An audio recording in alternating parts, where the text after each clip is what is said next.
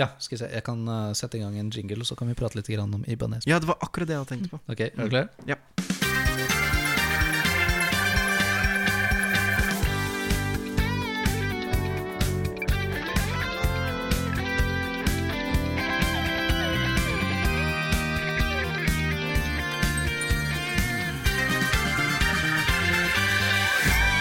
Ja da, Hei vi er i gang.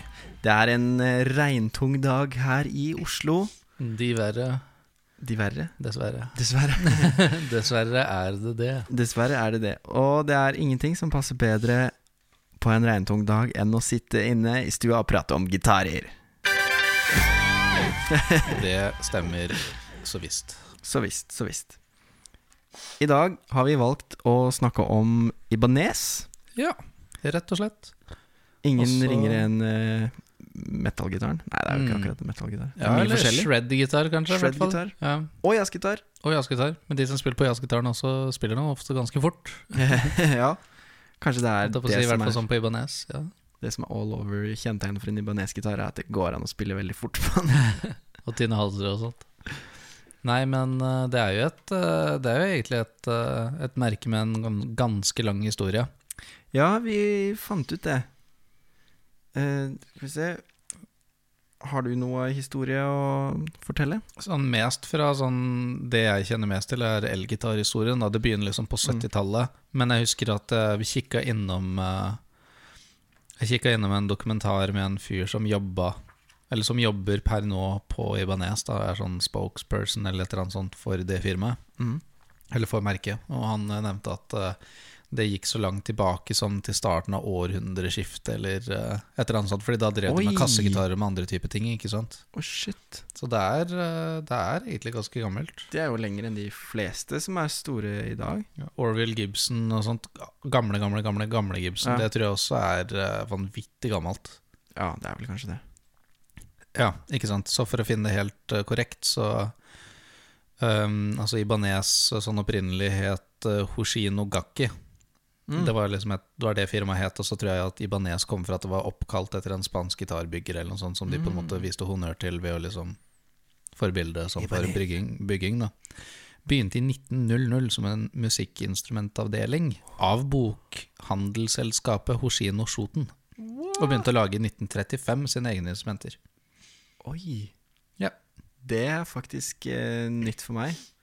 Og at de ikke var veldig Ikke spesielt synlig i den vestlige verden før i midten av 1960-årene. Og det er ganske sant, er sant, fordi eh, de gjorde jo eh, litt eh, forskjellig, og i hvert fall sånn på elgitarfronten så er det jo Mm. eh, Jeg blei litt overraska over det når vi gikk gjennom og gjorde litt research her i stad, at eh, den første Ibanez-gitaren, i hvert fall elektriske, da, er eh, datert tilbake i 1964. Og jeg trodde Mm. ikke de kom før på sånn 70-80-tallet. Og eh, det her er en 1803 Bison. mm, Den eh, Bison eller Bison eller hva Men eh, den er verdt å gjøre et lite Google-søk på. 1803 Bison Ibanez. Jeg har en veldig sterk hypotese. Jeg vet ikke helt hva det står i det avsnittet der om det, men jeg lurer på om det er en kopi av en Burns-gitar. Mm, det tror jeg ikke det står noe om. Men det står om eh, Hoshino Gakki og Bare se på den her, liksom. Ja. Den, eh, nå ser jo ikke dere som hører på den, men, den Ja, men dere, dere kan søke opp Burns. Burns. uh, Gitar. Burn, Burns gitar, rett og slett. Ja, det står faktisk her. Copies of models produced in the United Kingdom by Burns. Ja, ikke sant. Så for dere som ikke kjenner til det, uh, Burns er de som er bak pickupene til uh, Brian Mays gitar. Du ser det på hvordan Ah. singlecoilene ser ut med de metallrammene. Ja, ikke sant? Det er Burns. Burns. Ok. Så eh, Luthier Salvador Ibanez. Ja. Det var han som ble oppkalt den. Han bygde klassiker, klassiker faktisk. Han bygde klass... Takk for meg. Bra diksjon. Jeg er her hele uka. Nei, faktisk ikke det. Han bygde klassiske gitarer som blei eksportert til Japan.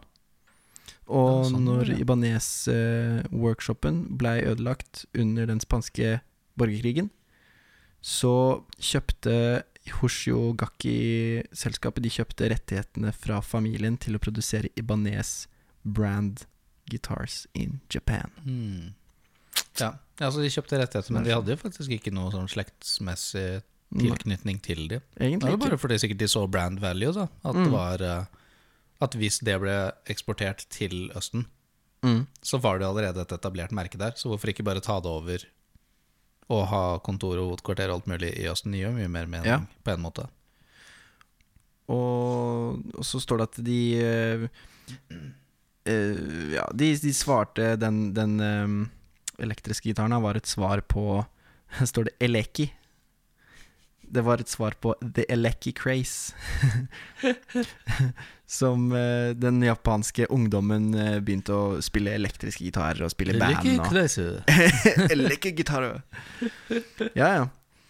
Og, og det var liksom Ja, det ble, ble en slags uh, De begynte å spille elektriske gitarer av billige kopiversjoner av vestlige elgitarer. Mm, som vi ser både Burns og etter hvert veldig mye Gibson. Mm. Og også noe Mm. Fender-ting og alt mellom eh, derimellom. Og den 1803 Bison her, fra 1964, det ser ut som en Stratt eh, Hvis en SG og en Stratt og en Jazzmaster fikk et barn, så hadde det vært den. Den, eh, helt, den ser ut som en merkelig blanding på en eller annen syk måte. det er jo bare Frankenstein-gitar. Um, den, ser, den ligner liksom ikke noe jeg har sett, i hvert fall. Veldig spesielt. mm, Den ligner ikke det som Gibson er i dag, i det hele tatt. ja.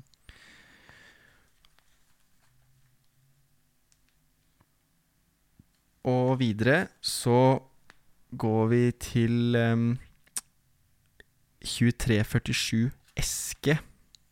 Mhm. Da skal jeg bla litt videre i boka her, fram til side 454. For dere som har boka 1001 gitarer, så kan dere også bla. For dere som er så nerds som oss. Den koster ikke så veldig mye. Og de har den på platekompaniet, så det er bare å yeah. gunne. Skal vi se 450 Her, vet du. Det, og det er eh, ganske spesielt. Fordi eh, her var det i kopiland. Det her er en Det er basically en SG Junior. Mm. Den kom i 1974, altså ti år etter eh, Bison. Da kom de med Ja. andre elgitarmodellen. Og den er uh, rock'n'roll-era. Mm. Så Og den Den ser helt lik ut. Ja. Det er merkelig. Og så, året etter, kom de med Iceman. Som også er eh, et ganske Den Kjent er et helt, helt eget design, da, sånn ordentlig. Ja, det var kanskje det første Den Bison var jo på en måte et eget design, den òg, men Mm. den her er på en måte et enda mer originalt sound. Da. Ikke sound, men Design. design. Ja, hvis, hvis jeg hadde jobba på Eller hvis jeg hadde jobba på Burns og sett den Bisonen, så tror jeg det hadde begynt å ringe en liten alarm. Ja. Men uh, Iceman, den er jo liksom Den ligner ikke noe annet. Den ligner ikke noe annet, nei. Det kan dra litt grann kjensel på noe litt sånn Explorer-aktig, men samtidig ikke. Mm. Ja, for den Det er bare den øvre halvdelen som er litt sånn uh, heftig. Ja. Nede i bånden så er det en liten schwung, men ikke noe mer enn det. Og så har den litt sånn rar eh, Litt sånn rar headstock, men den minner Ja, den er om forferdelig lang. Ja, lang headstock Ja. med stemmeskruer på hver side, i stedet for det som de har nå. Da. Men her ligner det Her ser det ut som de begynner å komme fram til et slags uh, Ja, det, det begynner å ligne på det som de har i dag, da. Mm. Headstocken. Bare Den at de har ja. på hver side i stedet for på én side. Ja. Nei, den headstocken også kjører de fortsatt på, eh, på Iceman og på en modell som heter Talman. Det er en Mm. sånn en slags litt sånn forvridd uh, Telecaster-aktig kopi. Mm. Så den, Mm. den headstocken eksisterer fortsatt oppå noen basser og sånt. Men som du Ja. sier, det er jo der helt sikkert eh, det headstock-greiene kom, kom fra, da. Det kan jo for så vidt se ut som en litt forskrudd telekopi, det her òg. Ja, Med også Les Paul. Og Les Paul, ja. Mm. Les Paul for så vidt, bare at de liksom har tatt det som var inntil kroppen en gang i tida, så bare på en måte bretta den ut. ja, ikke sant? Sånn peker direkte ut. Den har én single coil Nei, ikke single coil, én humbucker eh, bak. med brua. Mm. Og den har eh, to knotter og en Jeg ser ikke helt hva det er. jeg. Det er i hvert fall to volum, en volum og en toner, regner jeg med. Ja. Og så er det vel noe switch av et slag. coil split, sikkert. Kanskje. Nei, men Ibanez, den uh, Iceman, den, uh, den havner jo ganske tidlig i hendene på han Paul Stanley Kiss. Mm. Det står det faen. Han var faktisk den første uh, Første kjendisen til å bruke en Ibanez-gitar. Kan jeg prøve å gjette årstall? Uh, jeg, vet, jeg tror ikke det står noe årstall her, men det står årstall i, på sida. 76? 78? 75. Svarte.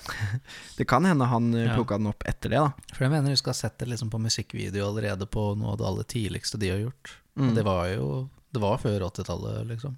Og Darren eh, Malakian fra System of a Down. Mm, det er riktig. Og Sam Totman fra Dragon Force. Det er et blodig band. Og Herman Lee. han har sin egen signaturmodell. Det har kanskje Sam Totman òg. Man kan Ja. ikke eh, snakke om uh, Ibanez uten å snakke om Herman Lee. Han er uh, en levende legende. Det er ikke bare det, Nei men jeg føler- liksom Unnskyld. Når vi snakker om, uh, snakker om det, så føler jeg at Ibanez har så sjukt mye signaturartister. ja, og det inntrykket satt jeg allerede med liksom, De har hatt den signaturfamilien kjempelenge. Mm. Og den eh, utvider seg stykkevis, men, eh, men det er ganske mange som, eh, som har vært med der, da, og at det har dekket et så bredt felt. Ja, det er ganske interessant. Alt ifra videre, så fra Iceman så går vi jo til faktisk George Benson. Det var jo det vi var inne på. Den går fra alt ifra jazz og til uh, Alt fra George Benson og til Herman Lee. Det er et bredt Det er ytterpunktene. Ja, det er ytterpunktene. Og det er en veldig, veldig fin uh, hollow body ibanes. Mm. Ganske sånn lys trefarga. Jeg tenker Det er basically en hulless ball Ja, det er jo egentlig det. Det ser med, sånn med mini-humbuckere. Mm. Ja, en litt sånn særegen tailpiece i bånd der, mm. med tre og tre. Og så med sånne eh, gummibånd rundt eh, knottene. Jeg vet Ja. ikke om du ser det på bildet, men det er, sånn, det er en sånn eh, my, tynn, liten sånn gummikant da, for at du skal kunne gripe på, på knotten bedre. Rundt, og ja, rundt liksom, eh, eh, toneknappen og volumknappen. ja, ja, ikke sant? Så når du liksom Mm. skal ta tak i å rulle, at du får bedre tak på den. Mm. Smart. Tror ikke man dumme. har sett det et par andre steder også, men det tror jeg alltid har vært en sånn eksklusiv forhåndsmodell. Mm. Og her er eh, logoen på plass ordentlig på Mm. headstocken. Her virker Ja. det som de har liksom landa på en ordentlig Ja. Font, kan man vel egentlig heller kalle det. Mm. Det er egentlig en veldig fin gitar, det her. Altså. Ja. 1970 Vil du gjette? Åtte? Yes. Ja. ja. Nice. You know your guitars. Og Sånn. han har den, på det bildet her har han den sjukeste reima jeg noen gang har sett. Den var brei. Den er sikkert eh, 50 cm brei og har masse penger på. Mm. Ja, det er, en, det er sånn annen sånn distinkt headstock. Det er jo headstocken de har for alle semihulegitarene sine. Å ja, ikke sant? Mm. Ja. Ja, fordi de semihulegitarene eh, har heldigvis ikke den RG-headstocken, den eh, litt skarpe saken. Det hadde Ja. sett helt bak ja, det er sant. Det er jo litt finere med Når det er en litt finere gitar, så er det jo litt bedre om headstocken er litt finere også. Den hadde litt mer eh, Ja. Kler den litt mer estetisk. Ja. Hadde litt mer sånn inngraveringer eller sånn, Mm. sånn greier. Og så, året etter, 1979 1979 kom Roadster. Mm. Ja, det er også en sånn eh, Det er sånn snakkis uh, Snakkisgitar. Sånn populær. Den var ikke noe spesielt dyr heller. Husker at Nei. vi hadde en på Lier musikkverksted uh, Oh, ja. der jeg lærte å spille elgitar og starta mine tidligste år og sånt eh, med musikk og sånt. Og da hadde vi det med liksom den sykt spesielle headstocken. Mm. ja, den er Ser ut som en slags eh, kakespade eller eh, et eller annet i den Ja, det det. Kakespaden. Men det er veldig kule gitarer, altså. Spiller Ja. lettspilte, og så Låten bra? det, det kan ikke jeg si noe om. Jeg tror jeg var ganske inhabil på den tiden. Øret mitt var ikke helt trent, men uh, Den har faktisk en skråstilt pickup helt bak. Hmm, Det her er litt sånn, Nå er vi litt i sånn superstrattland, hvor vi begynner å mimike stratten sånn Ja, for alvor. ja. Det er jo basically bare en helt straightforward strattkopi. Mm. Egentlig. Og så kommer vi til eh, Det er jo bare en sånn liten side En side side note her. Musician Base kom i 1980. Første bassen som Ibanez eh, produserte. Og så har vi da Axstar. De har sluppet mye rart opp igjennom. Ja, de har vært igjennom så mye rart. Uh, og Axstar, den var uh, Skal vi se Rød. Ser ut som en X, eller en stjerne. Den er liksom Æsj. Ja. Uff, nei, det er liksom sånn Og det står ikke Ibanez på heggstokken. Jo, det står Axstar med store bokstaver, og så står det By Ibanez med små. Det er Hjelp.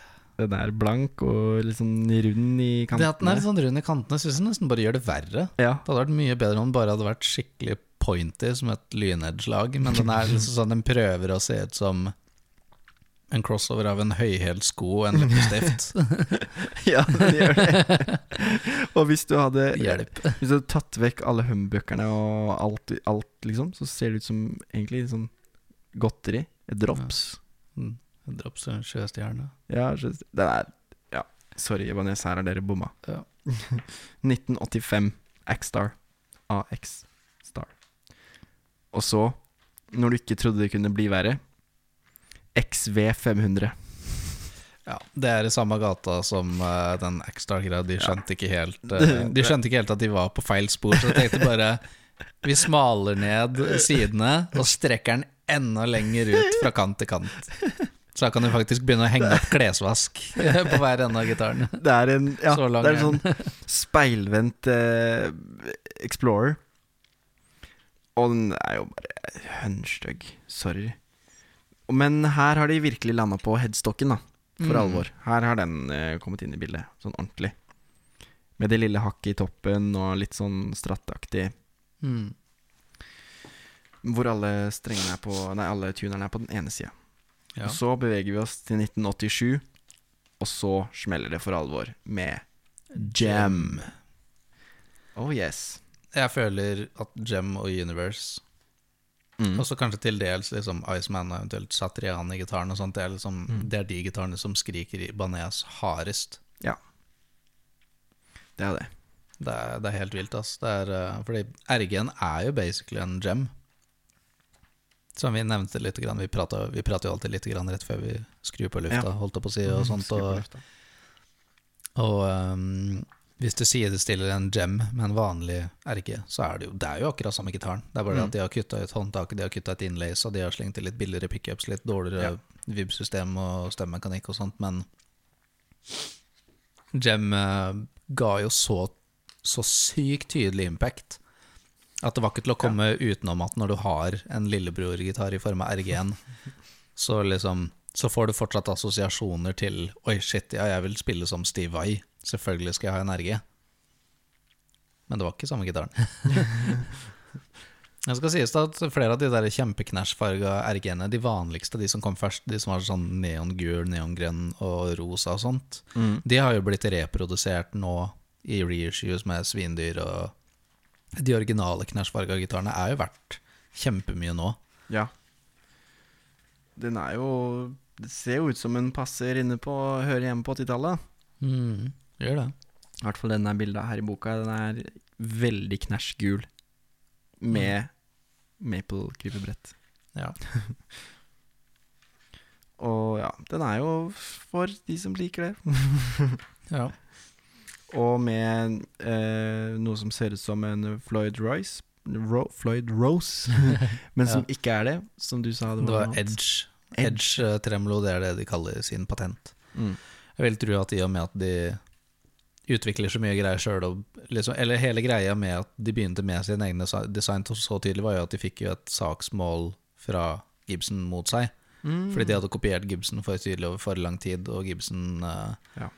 Både så liksom at dette er jo brudd på sikkert uh, åndsverk eller opphavsrett og sånne type ting, og de så liksom at det er et firma som selger billige gitarer, men ganske bra gitarer. Altså Mm. Ibanez produserte Les Paul-kopier og, Mm. og sånt eh, flyter jo rundt på reverb, og folk prater jo fortsatt om det masse på nett, liksom, og det har blitt sånn collectors opplegg, ikke sant? Så da ble de saksøkt, og da ble de tvunget til å liksom måtte gå sin vei. Da bare, nå kan ikke vi slippe unna med å kopiere ting lenger. Men før det så var det jo helt vanlig, og du hadde merker som Greco og Bernie og Tokai, Mm. masse andre merker som bare masse kopierte Gibson, ikke sant? Eller Fender. Ja.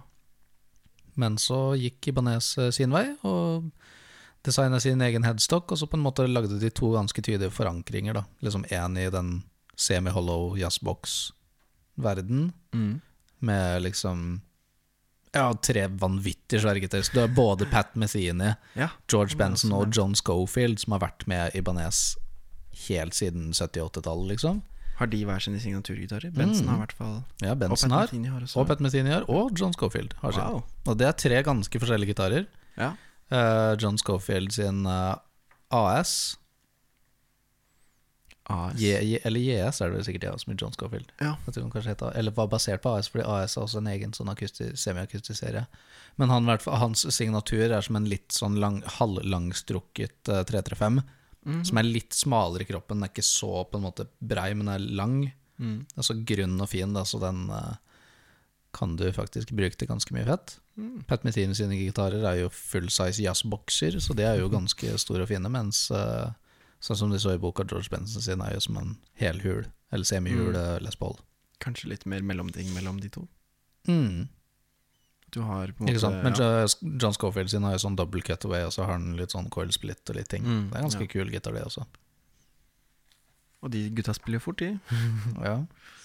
Nei, så det er liksom Du, du har jo den de, de parallellene. Så at det er enten shredder på sånn instrumental rock og skikkelig leadgitaropplegg, Ja, eller så har du Ja, ikke sant? Satriani Stivai og Paul Gilbert og Mm. de tingene der, eller så har du jazzfolka. Men det som også er ganske interessant å se, det er hva som skjedde på 90-tallet. Ja. Fordi uh, Ibanez kuppa jo sammen med merker som Kramer og Jackson og sånt. Uh, 80-tallsmarkedet liksom med den estetikken du hører med, med knæsjfarga ting med svært hår, Mm. neonfarger og, og de tingene der, liksom. Men så kom grunge. Grunge-rocken. Ja, grunge-rock liksom, og grunge-kulturen, og det er jo det, det er det så sykt harde motstykket til alt som har med glam og hair metal og alt mulig Ja, ja, det gjør at liksom det var ikke noe annet. Nirvana og Så da er det der. bort med alt overdådige og all sminken og sånn skal vekk. Nå er det bare på med, på med de slitne jeansene og flanellskjorta og la håret gro og, og de tingene der, ikke sant. Så da bomma de ganske hardt, ikke sant. Fordi at Ja, ja. da begynte jo folk som Kurt Cobain og sånn begynte å ta tak i Jaguar-gitarer og Mustanger og Jazzmaster og sånt, og da ble det et sånt symbol på indie mm. Eller indie gåstein, da, men liksom Ja. sånn grunge og andre alternative sjangere. Men så kommer det til en annen krok som kommer på slutten av 90-tallet, og det er new metal. Mm. Med band som Korn og uh, Limp Bizkit og sånne rap Rap-rock, rap-metal, uh, Linkin Park, uh, Ja. kanskje i starten. Litt sånn, sånn type ting, men spesielt Korn, da. Mm. Der hvor begge to liksom gikk for Universe-modeller. Og Universe er da en uh, Det er også en sånn bror til. Gemmen, da. Ja, Mm. som er basically en uh, sjustrenger. Ja, sju strenger. Og så har den ikke det derre håndtaket. Nei, den er hel. Ja. Det er litt, minner jo egentlig kanskje litt om RG1 der, da. Ja, ja ikke sant. Uh, og så har den eh, På noen modeller så har den derre der Disappearing Pyramid Inlay-tingen. Mens, Ja. mens Gem har det der Tree of Life-greiene som er sånn derre Mm.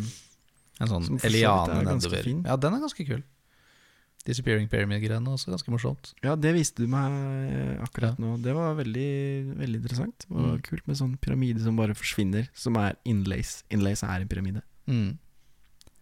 Så huka de tak i det, og så ble det en greie. Og så fyrte det maks av, Fordi da hadde alle lyst til å spille sjustrengsbasert Ja, der har du det. Jeg fant den Det her. er en eh, Det er en sort universe med grønne pickups. Ja, mm, neongrønne pickups og inlays og eh, logo. avbildet en av gitaristene i Corn. Jeg vet ikke om det er eh, James Monkey. Monkey, Sheffer. ja. Ikke sant. Så ja, de var to. To. Og det var, e- det var egentlig et sånt fullt Ibanez feature-band. Eller også på bassisten jeg husker ikke helt hva han het, om han het Fieldy eller noe sånt. Eh, han spiller også på Ibanez. Men, men det, men det launcha en ny kultur igjen. Ikke sant? Nå, ble det sånn, nå er det ikke bare instrumentalrock, men nå er det nedstemt, eller gitar stemme ned, nedstemt. Mm. Uh, ikke sinnsstemningen Ja, sånn, nedstemt, ja. men bare men, uh, å stemme Ja, ned i gitaren, liksom. Og bokstavelig skikkelig chuggemusikk, ikke sant. Så nå går de enda mer heavy til verks, og hvis vi spoler fram til den dagen vi er i dag, Mm. der Ibanez har fulgt med på Dient-bølgen og de type tingene og sånn, så lager Ibanez nå åtte strenger, og har jo lagd to sine base i sin åttestrengsmodell. De har multiscale-gitar, altså de har jo alt mulig, men det er veldig tydelig at de, de fant liksom sin greie, føler jeg, i heavy-sjiktet. Ja. Kanskje sånn aller mest spesielt. De lager dritbra jazzbokser, Mm. kjempebra jazzgitarer og kjempebra andre gitarer også, men disse shredder-gitarene og de heavy-gitarene Mm. der føler jeg at liksom de fant, de, de, der, de altså. fant sin greie for lenge siden. Ja. Og det virker det som For det er det jeg forbinder mest med Ibanez. Mm. Sånn solistisk og virtuos, eller kanskje gjerne litt hardt. Um, og egentlig ikke Egentlig ikke jazzting. Det skjønte jo ikke jeg at var Ibanez før litt seinere. Mm. Ja, og da kan vi bevege oss til en annen nisje, da, for at Ibanez har jo ikke bare lagd gitarer, men også pedaler, så vi kjører Ibanez pedaler. Tube Screamer! Team Screamer! Det, Ja. Åh, det kan man si er den mest emulerte pedalen. ja, en av de mest emulerte pedalene noensinne. Ikke bare Og på kopi- vrengsida, liksom, kopiert. ja, kopiert. Og det var ja, Tube Screameren, det, der fant de også noe. Det er, liksom, det er kjempeinteressant å se hvordan et firma som bare fant på at vi skal kjøpe opp rettighetene av en, span, av en random spanjol som ble truffet av den spanske borgerkrigen. Vi skal kjøpe opp tingene hans, og vi skal lage gitarer. Og vi skal lage en av verdens beste vrengpedaler, fortsatt i hans navn. Ja. Og vi er ikke spanjoler. Japanere. Nei, det er helt rått, ass. Tube Screameren er Åh, eh, det er en av mine favorittpedaler. Du har jo faktisk eid uh, et par stykker. Det, og, men det er uansett hvor bra pedalen låter. Jeg liker den svært godt, for å si det sånn. Men de må kvitte seg med den patenten. Den stomp-patenten. Den, switchen, den bryteren, mm. suger! Applaus for at den er så forferdelig dårlig. Og det, ja, det er et problem. Jeg har hatt den to ganger, og den switchen har blitt ødelagt begge gangene. Mm. Og jeg har måttet Og på den siste jeg fikk Jeg fikk jo heldigvis bytta de om, da, fordi den gikk på garanti og sånt. Men på den siste så bare beholdt jeg den i boksen. Åpna den ikke, brukte den ikke før jeg fikk bytta switchen til en annen switch. Nå har jeg en ordentlig stomp-switch, da, Mm. som stikker opp.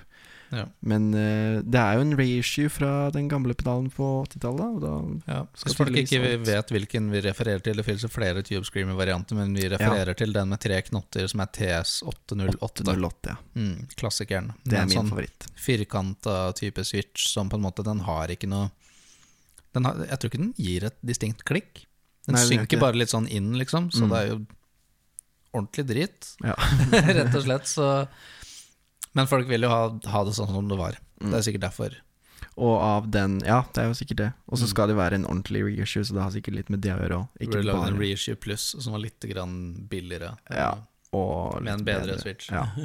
Og de har jo mange forskjellige Tube Screamere. De har TS, eh, den 808 som vi nevnte nå, TS9, og så Mm. har de en 808 med to Som er litt da, eh, Med to pedaler. To Mm. switcher. Og de har, har de, de har ikke ti? Jeg husker ikke helt hva den heter. Det er en sånn der med fire nob som også er ganske populær. Ja, For de har mange forskjellige type Screamere. Men TS9 og 808 er de to mest populære der. Mm. Mest brukte. Men de har lagd ganske mye De har lagd ganske mye spesielle effekter. Jeg husker sånn spesielt at Lee Rittenauer, hvis du har hørt om han, Mm. altså fusion-gitarist, han hadde også sin egen signatur-jazzboks. Åh. Eller jazzgitar hos uh, Ibanez. Han spilte utelukkende Han var sånn eh, spokesperson holdt jeg på å si for Ibanez-effekter. Så han hadde jo både Ibanez chorus og flazer og flanger og Flazer og Flanger. flazer. Takk for meg, flazer. Få oss på en butikk nær deg. Ja. Flazer-genser. ja. Nei, men uh, Så de, de har lagd mye sånn snasent der også, noe kule delayer. Og Ja, de har sånn mye bra igjennom. pedaler, altså. Og korus og ganske, ganske Mm. bra. Men aller mest den vrengen. Mm. Så jeg husker de har en vanvittig hissig uh, Wawa-pedal. Oh, ja. en, en kompis som jeg vokste opp med, du veit hvem du er hvis du hører på podkasten, som hadde en eh, Han hadde en, uh, en. Wawa-pedal som het Ibanez Weeping Demon. Du burde søke den opp. Ok, jeg skal søke den opp nå. Så må du fortelle meg hvem han fyren her er etter vi er etterpå. Det skal jeg gjøre. Så du har sett hvordan eh, John Petrucci har en sånn der metallkasse. Han setter foten sin opp for å få heist opp kneet, så han er i sånn sologitarposisjon. Det er nesten det du får når du står på den Weeping Demon, fordi okay. den er så sjukt massiv. Ibanez, Det er en sånn Weeping. stasjon. Weeping Demon. Ok, ok, ok. Det ser ut som som den er henta fra Star Trek eller noe sånt. ja, Hva er det her det kunne vært foten på en cyborg. Ja, foten Det ser ut som foten til Optimus Prime eller noe sånt. Shit, ass. Den er svær. Veldig. Det er liksom ikke bare Det er jo selve den svære pedalen. Søk opp det, folkens. Eh, Weeping Demon Ibanez.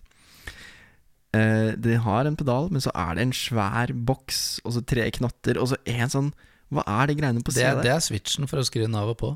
Nei! Mens eh, de der tre knottene som er der, de kan du trykke Hvis du på en måte klikker de inn, så popper de opp. opp. ja. Det er for at du ikke skal skumpe bort til settingsene. Ja, det er jo smart. Men da vil jeg mye heller Det var det smarteste den gjorde. det, liksom, det bremser litt der sånn pga. dimensjonen er så Ja, den er, vanvittig. Det er en korpulent wapedal. ja, det må jeg si. Så der har eh, Ibanez gjort mye bra, men her Mm. har de bomma, bomma litt igjen, syns jeg. Ja. Nå var også voice ganske spesielt, Men- men, eh, ja, men igjen, det er, sånn, det er kult at de gjorde liksom Ja. sin greie. det er det. Og man finner jo ikke ut av hva som funker og ikke funker, før man prøver. Og det er mange andre merker som har mye som har funka og ikke funka også. Hmm. Men den her det var virkelig Den har jeg ikke sett før. Ja. Og så i motsetning til f.eks. Eh, Crybaby One, da, som du bare trykker hardt ned på tuppen, og så er det bare wah i vei. Mm. Så må du faktisk trykke på en pedal før du begynner å trykke på pedalen.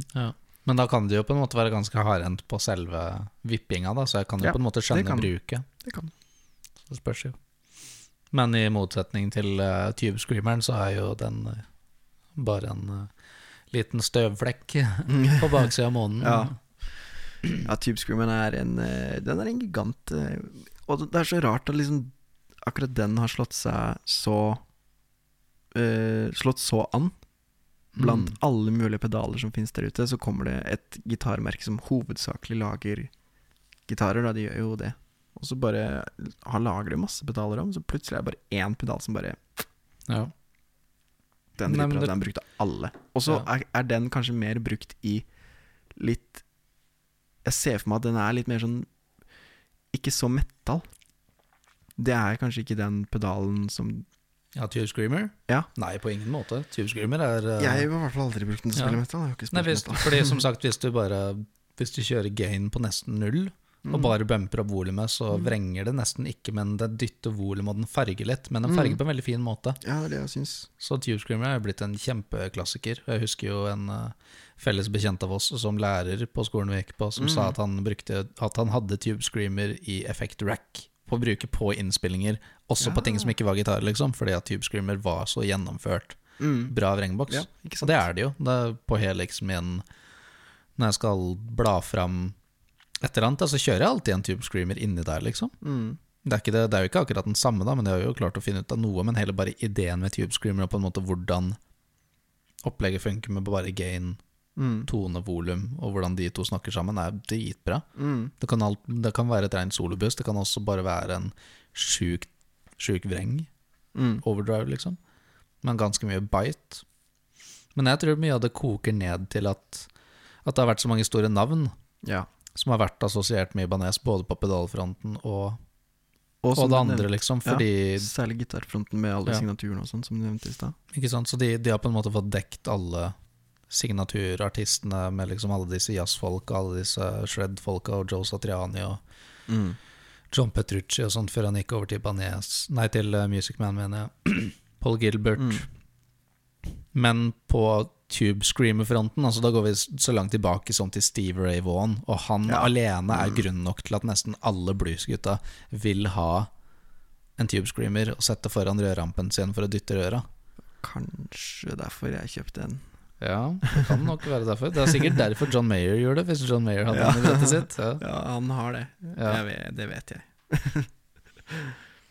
Ikke sant? Så det er, liksom, det, er, det er det som på en måte er gjengangeren, at de har De sikra seg ganske tidlig. Mm. Altså Steve Vai var jo på sitt eh, Liksom sitt toppunkt da på den tiden som ganske ung gitarist og slo gjennom med, med Frank Zappa-greiene og gjorde seg kjent. Altså. Han spilte med Frank Zappa? Mm. Steve Vai? Ja, det var det som var inngangen hans.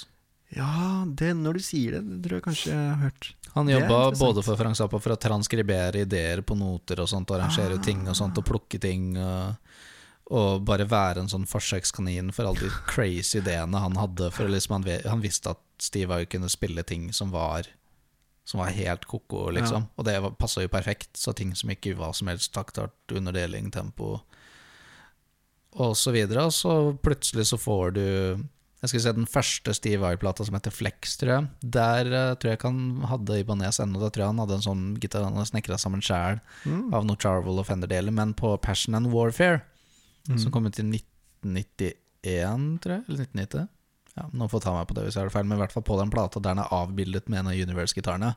Ja. Fra og med da, da er det liksom sånn Folk gikk inn i en annen dimensjon da de hørte på sti gitarspillet til Steve Vai. Så allerede bare med å ha han med fra starten av, og fortsatt er inni der Han har aldri Ja. gått ut. Han har alltid vært der, og han har sluppet akkurat en ny tolkning av Jam-gitaren. Ja, det er sant, det. Mm. Jeg så en video hvor han gikk gjennom mange Ja, ja. Ikke sant? Så Gitarer. blir der ennå. Det bare hopa seg opp. Masse flinke gitarister eh, opp igjennom, og også nå nyere med disse instrumental-shredderne som han Marcos Fogley og sånne type folk også. De, de har hatt masse, masse gode artister bak Mm. ryggen. Og det har vært liksom nok kvalitetsstempel for at disse er mekkebra gitarer. Men hvordan har det vært med Jeg føler det er kanskje en connection, eller kanskje ikke, med eh, gitarister som spiller på Ibanez, og det at de har vært, de har vært læreren til hverandre. Joe Satriani har vært læreren til noen folk, har han ikke det? Eller- ja, eller hvordan var det? Ibanez, men jeg skulle være på Men uh, Joe Satriani han har vært lærer for ganske mange, men han har vært eh, lærer for, læreren til Kirk Hammett, i hvert fall. Ja, Jeg vet ikke hvem flere Men han spiller kanskje ikke på har Nei, Kirk Hammett er på ESP. ESP, ja. ESP og LTD er for så vidt også noe vi kunne ha tema for en Ja. episode en gang. Det er også en ganske sånn interessant historie. ESP og Edwards, det undermerket deres i Mhm. Japan, som også har vært sånn Gibson-kopiopplegg. Ja. Men hvem var det som var Eller, eller er det Steve Vai som har vært læreren til noen veldig kjente Det kan også godt hende. Jeg husker ikke, faktisk. For de har ikke vært læreren til hverandre. De er kanskje like gamle. Jeg vet ikke. Jeg føler Joss at Rian er ganske gammel. Ja, han er 60 nå. Ja, ikke sant? Ganske gammel. Det koker på en måte ned til det. Ibanez er jo også en av de aller største gitarmerkene på markedet den dag i dag. Mm. Ennå. De Sånn, de holder seg oppreist. De holder seg oppreist. Og man kan jo diskutere om man syns at alle modellene deres er fortsatt like aktuelle. Eller selger like mye som mye annet. Men det er liksom, nå, er jo Sånn som, sånn som RG-en er, og de type tingene der. Altså det, er, det er jo en superskatt. Det er nok en superskatt. Og det er veldig mange andre Ja. superskatter som kommer i andre merker. Jackson lager, SP lager Fender lager også sine egne superstat-ish-type ting. Du, du, Mm. du finner jo det type designet overalt. Ja. Så spørs det bare på en måte hva liker du. Og Ibanez er jo kjent for sine Wizard Necks. Det er jo noen på den halsprofilen som er sånn syltynn. Mm. Sånn shredder-tynn. Da skal du holde sånn ja. og spille der, Og så liksom. lite bevegelse i fingrene som mulig. Bare Ja, ikke sant. Nei, så liksom Men, men de er her ennå. Og mm. de, de leverer bra. De utvider og følger med på ting. Og de klarer fortsatt å signe store artister og holde seg aktuelle. Og jeg har eid to Ibanez-gitarer, som opp igjennom, i hvert fall. Har du det? Ja, faktisk. Det visste jeg ikke. Jeg eier den uh, Ibanez PGM 500 du kan søke opp. La oss søke. Uh, alle, Søk sammen med meg. dere som er uh, kjent med Ibanez fra før, vet jo at PG står for Paul Gilbert. M-en aner jeg ikke hva det står for, men PGM 500 hadde jeg i En sånn eh, fin rødfarge Oh, den som er med med på, Hollow body? påmalte FR. Å ja. Så den, den, ja. Jeg tror eh, Jeg er litt usikker på hvordan de stiller seg til det nå, men i hvert fall før og på med noen av de signaturmodellene deres og sånt. Ja, det finner du på sånn Satriane-type ting Mm. og Stivai og sånt. Da, var det, da var, det mye bra samarbeid med DiMarzio. Okay. Så DiMarzio pickups leveres veldig ofte i bra Ibanez-gitarer, da. ja. Akkurat sånn som Seymour Duncan hos noen andre. Liksom. Mm. Men DiMarzio også veldig veldig bra kvalitets-pickup. Men akkurat i den PGM 500-en så låt ikke neck-pickupen noe fett i det hele tatt. Det husker jeg google opp. Mm. Det var en DiMarzio Humbucker from Hell. Og den var så tynn at du kunne, bruke, kunne nærmest bruke lyden av pickupen som tanter òg. Ja, det var helt forferdelig. Uansett hvor mye vreng jeg putta på, så hørtes det ut som at jeg skrapte på et vindu med en spiker. det var helt forferdelig. Men det var en veldig kul gitar. Den Den Ja, spilte den- veldig fint. Den er jo litt kul, på tross av at ja. Jeg kjøpte den, kjøpt den på eBay fra Japan. Ja, å ja, selvfølgelig. Det er ikke sånn, Jeg vet ikke helt hva jeg syns om liksom påmalte F-hull. Det er sånn litt fint. Det var litt moro, da. Ja, det er jo litt moro. Og den er jo fin. Og den har eh, den er rød og gull. Uh, og den har en opp-ned headstock. Mm. Også i is. Mm. Mm. Nei, men altså, det er også bare Det er, det er et superstratt design. Det er bare det at de har putta inn litt heftigere pickuper. Hva er den andre du har har, da? Det er faktisk en uh, Ibanez Pat Metini-gitar. Og jeg husker ikke helt hva den heter. Bare søk PM200? PM um, 100? uh, Jeg husker ikke, bare søk PM. Ibanez PM. Oi, da kom det 100. Her kommer det masse akustiske Ja.